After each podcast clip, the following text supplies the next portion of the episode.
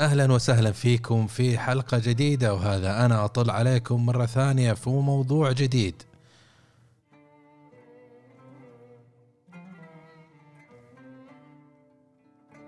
خلي في بالك إنه كثرة النجوم في فريقك مو معناه إنه النجاح مضمون. انتبه.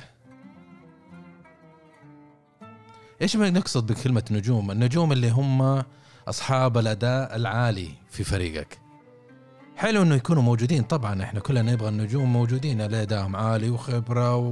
ومعرفة ومقدامين وكذا لكن إذا كان كل الفريق نجوم هذا حيعطيك أثر سلبي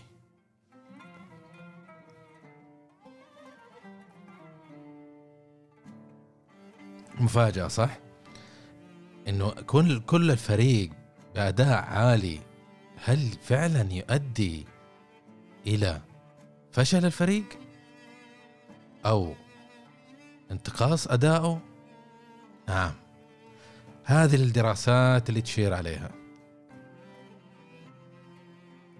خلينا نبسطها شوية ونفكر في منظمة أصغر وأبسط. في مباراة كرة قدم.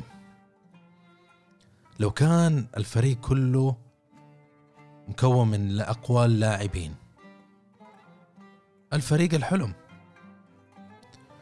نجد إنه دائما أدائهم يكون مو اللي, اللي نتأمله. أتذكر في منتخب أحد أحد البلدان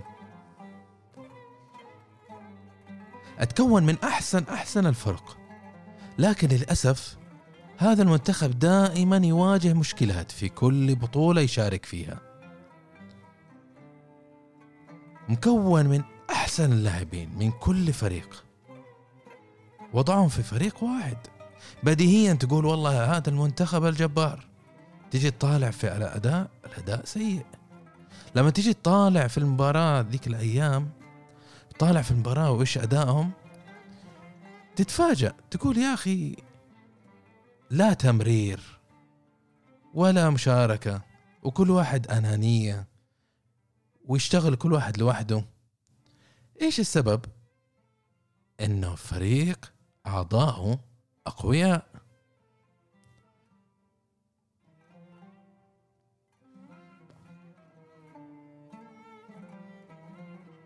والفريق اللي هم خسروا أمامه ما هم أحسن ترى. ما هم جايين من المريخ ما هم جايين فضائيين إحنا سويناهم في مختبر. ناس عاديين. لكن الفريق المنافس واللي فاز على هذا المنتخب فريق متنوع في المستويات. في منه القوي وفي منه الضعيف وفي منه الوسط.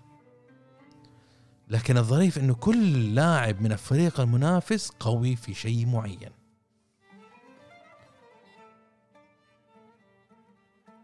وهذا المفتاح. تخيل أنت لو عندك الفريق كله خبراء في ضربة الجزاء. حتلاقي كل الفريق يركز على ضربة الجزاء متى ضربة الجزاء عشان يسجل. ويتركوا التركيز على المواضيع الثانية اللي في المباراة.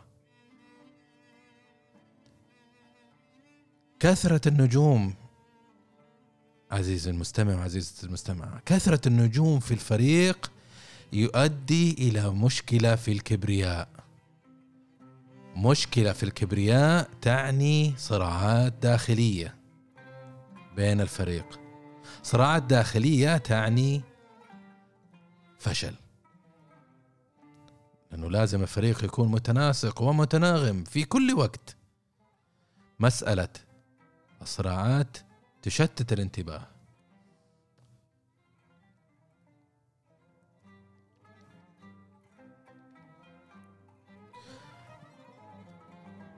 أعضاء الفريق بديهيا. المفروض إنه يشكل بطريقة لأنه إحنا ما عندنا فريق مكون من شخص واحد إحنا فريق مكون من أشخاص لقيام بمهمة ما. في هذا المثال حق المباراة إحنا نقول إنه الفريق فريق كرة. هدفه المنشود هو الفوز بالمباراة ومباراة ثم مباراة ثم البطولة. وكل لاعب من أعضاء الفريق يكون قوي في مجال معين. فيكملوا بعض بقوتهم ويغطوا على نقاط ضعفهم كأفراد ويظهروا في النهاية كفريق قوي. وهذا هو المنطق والعقلاني في فروق العمل.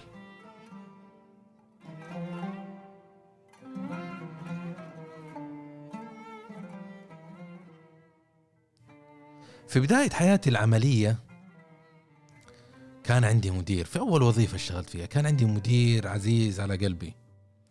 رجال حبوب وعسل عسل عسل إن شاء الله بس يسمع الكلمتين هذه. اسم المدير هذا سعد القرني. المدير هذا سعد القرني علمني وعلمنا أنا وزملائي أن نعمل مع بعض كفريق حقيقي مو على الورق. الرجال يعني اجتهد في هذا الشيء. كان مديرنا لكن كان يندمج معانا بالعمل. علمنا إنه ما في شيء اسمه نجاح احادي في واحد من المشاريع اللي كان مطلوب مننا نتجهز لها كانت مقبلة يعني نبدأ في المشروع بعد فترة قصيرة يوم أو يومين. كان مطلوب منا نعمل التجهيزات حتى إذا جاء الموعد نكون جاهزين. دخلنا الورشة نشتغل ونتجهز فيه. ولا نتفاجأنا إنه مديرنا سعد دخل على الورشة وبدأ يشتغل. يد بيد وما توقفنا. واشتغلنا ذاك اليوم لآخر الليل على حسب ما أذكر لين 11 ونص في الليل. رحنا بيوتنا. بعد ما انتهينا ورجعنا الصباح.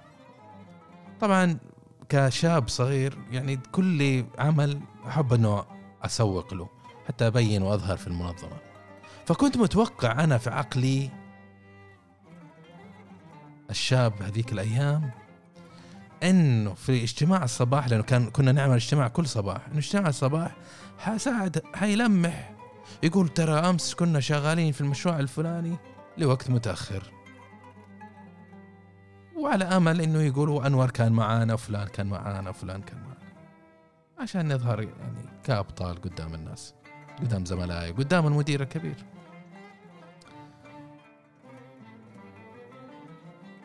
بس هو ما عمل هذا الشيء ولا ذكره. وهذا شيء جعلني أتفاجأ.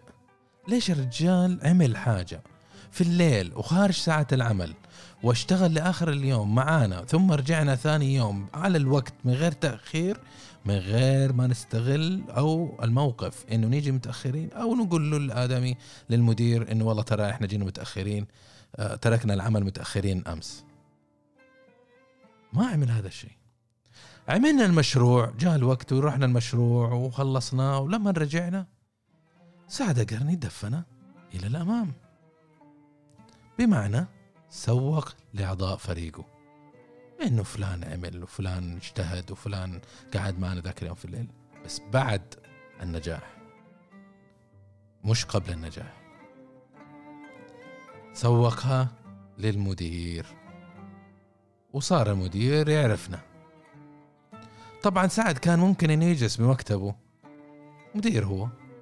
يجلس في مكتبه الرجال ويتركنا نشتغل ويشيك علينا كل فترة فترة يعطينا شوية تحفيز ويرجع. لكن هو ما سوى هذا الشيء.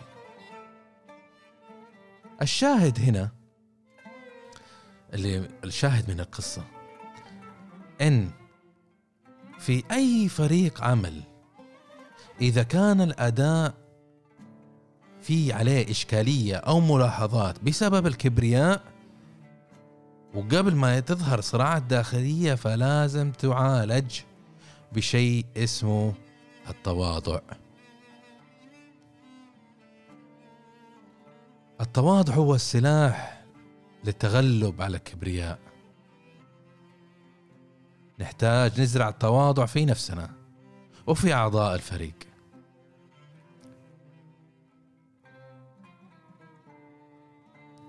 مفاتيح النجاح بالتواضع. ثلاث. واحد. تعرف نك... تعرف على نقاط ضعفك وحدود إمكانياتك. اثنين. تقدير قوة الآخرين بالفريق وإعطاء حقهم في هذا. وقدم نجاحات الفريق على نجاحاتك الشخصية. ثلاثة. تقبل التعلم من الآخرين.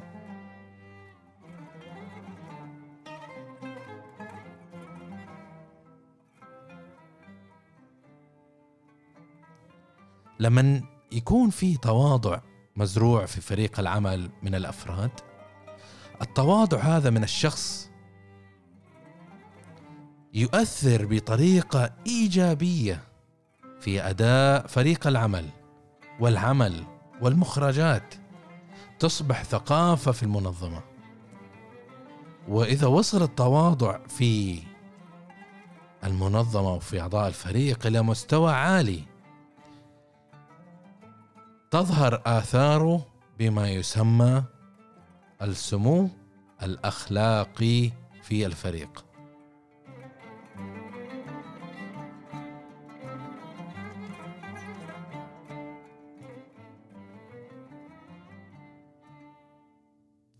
هذا النوع من الظاهرة إنه الواحد يضحي بنفسه من أجل فريق العمل. التضحية هذه والتواضع يساهم في نجاح الفريق زي ما قلنا ويساهم في نجاح أعضاء الفريق نفسهم وتطورهم لأن كل منهم يتعلم هذه الفضيلة. وتذوب مصلحة الفرد أمام مصلحة الفريق ما هي السمو الأخلاقي هنا؟ إيش نقصد فيه؟ أنه يقدم مصالحه الشخصية أو يقدم مصالح الفريق على مصالحه الشخصية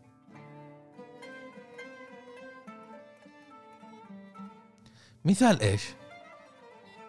زميل يبقى متأخر للمساعدة في مهمة مدير يظهر لتصريح ماكينة الطباعة يشتغل فيها عليها بنفسه. عميل يستخدم شبكة معارفه لمساعدة شخص. على إيجاد وظيفة. هذا سمو أخلاقي. بعيد عن الكبرياء بعيد عن المصالح الشخصية بعيد عن الأجندات. وبكذا يتم النجاح. ونبعد عن الفشل. لو لخصنا ما تكلمنا عنه اليوم. احرص على انه يكون فريقك متنوع في المستويات. مو مشكلة إذا يكون في مستويات متوسطة أو مستويات متدنية ومستويات معالية. المهم هنا أنك تزرع فيهم التواضع وتفهمهم وتعلمهم كيف يبعدوا عن الكبرياء.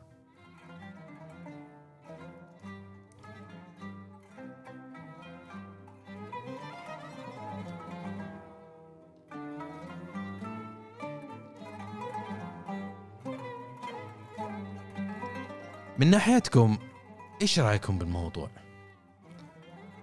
راسلوني على لينكدين وشاركوني مثال على نجاح التواضع وكيف ساهم في نجاح الفريق.